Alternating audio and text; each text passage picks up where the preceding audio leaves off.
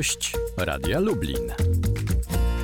Na zegarze 15 minut po godzinie 8 Tomasz nie śpiał przed mikrofonem, a gościem Radia Lublin jest dr Ireneusz Siódem, psycholog społeczny, psychoterapeuta. Dzień dobry.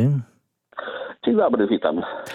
Panie doktorze, jak przetrwać epidemię koronawirusa i nie zwariować?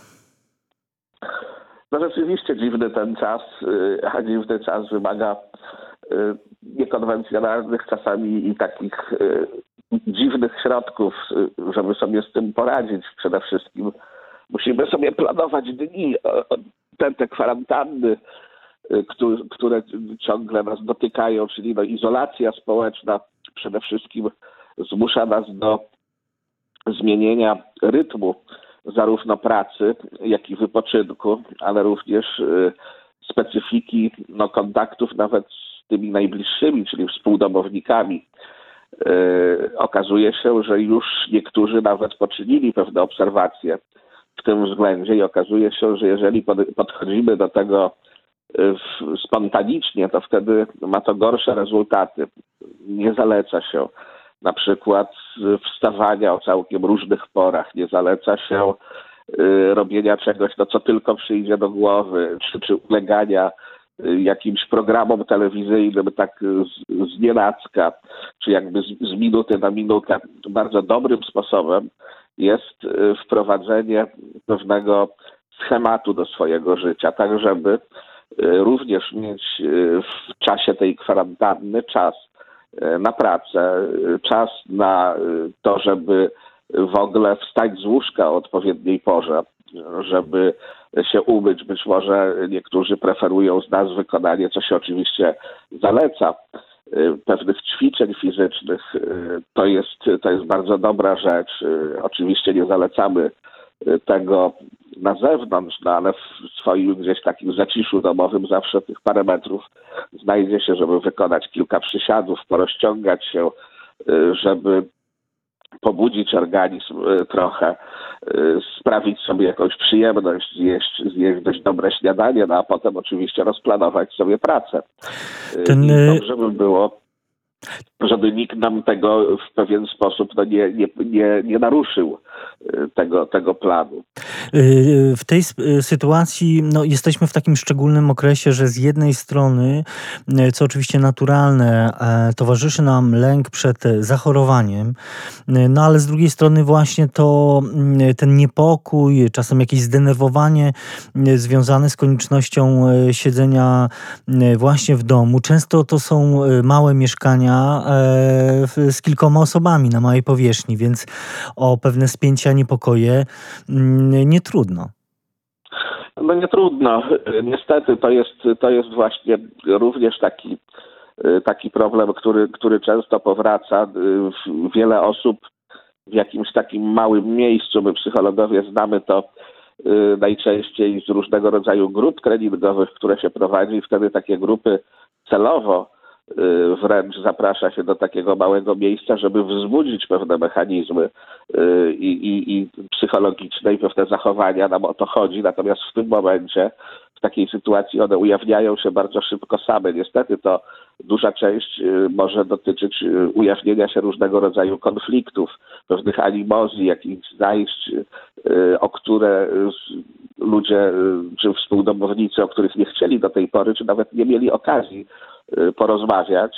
Natomiast ta sytuacja wymusza konieczność y, tego typu rozmów. No ja bym tutaj y, przede wszystkim zalecał pewnego rodzaju powściągliwość, też, też umiejętność wybaczania, umiejętność zrozumienia tego drugiego człowieka, który też potrzebuje troszeczkę intymności, potrzebuje troszeczkę y, jakby y, odosobnienia. W związku z tym y, mieszkanie może być małe, ale każdy z nas może znaleźć sobie, jak to się mówi, swój kąt i swoje zajęcie.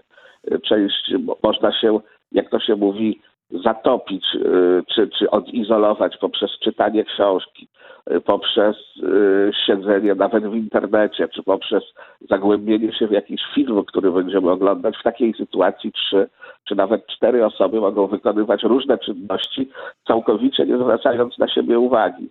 Y, no oczywiście y, dochodzi do, do takich sytuacji, w których musimy porozmawiać, no ale to też z punktu widzenia psychologicznego jest zalecane w końcu y, tego często sobie również życzymy, żeby współdomownicy, żeby ci ludzie, którzy gdzieś ze sobą żyją, pokonują różne problemy, umieli sobie poradzić. Jest to pewnego rodzaju też test na tego typu umiejętności. Tym bardziej, że też y, często y, właśnie w tej y, codzienności, czy do tej pory zapominaliśmy o takich no z pozoru mo, może mm, rzeczy, które, na które nie mieliśmy czasu, a które są jednak, jednak ważne i to jest też taki czas, w którym można te, ten czas izolacji wykorzystać właśnie dla dobra swojej rodziny, dla dobra e, wyjaśnienia jakichś e, spraw, które gdzieś tam z tyłu głowy chodziły za nami. No tak, miejmy, miejmy nadzieję, że to będzie dla dobra, natomiast tutaj czasami można by też stwierdzić, że nie jestem pewny, czy zapominaliśmy, ale, ale też czasami może po prostu unikaliśmy pewnych rozmów.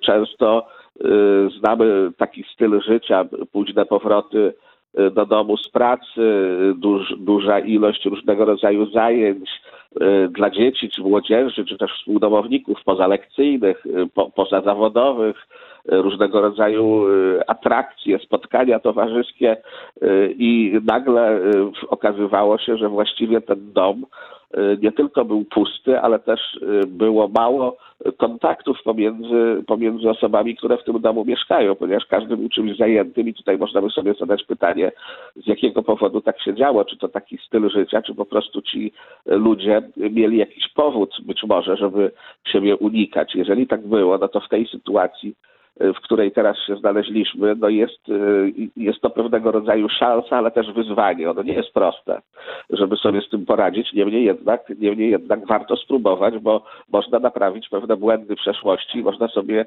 y, to życie w pewien sposób ulepszyć.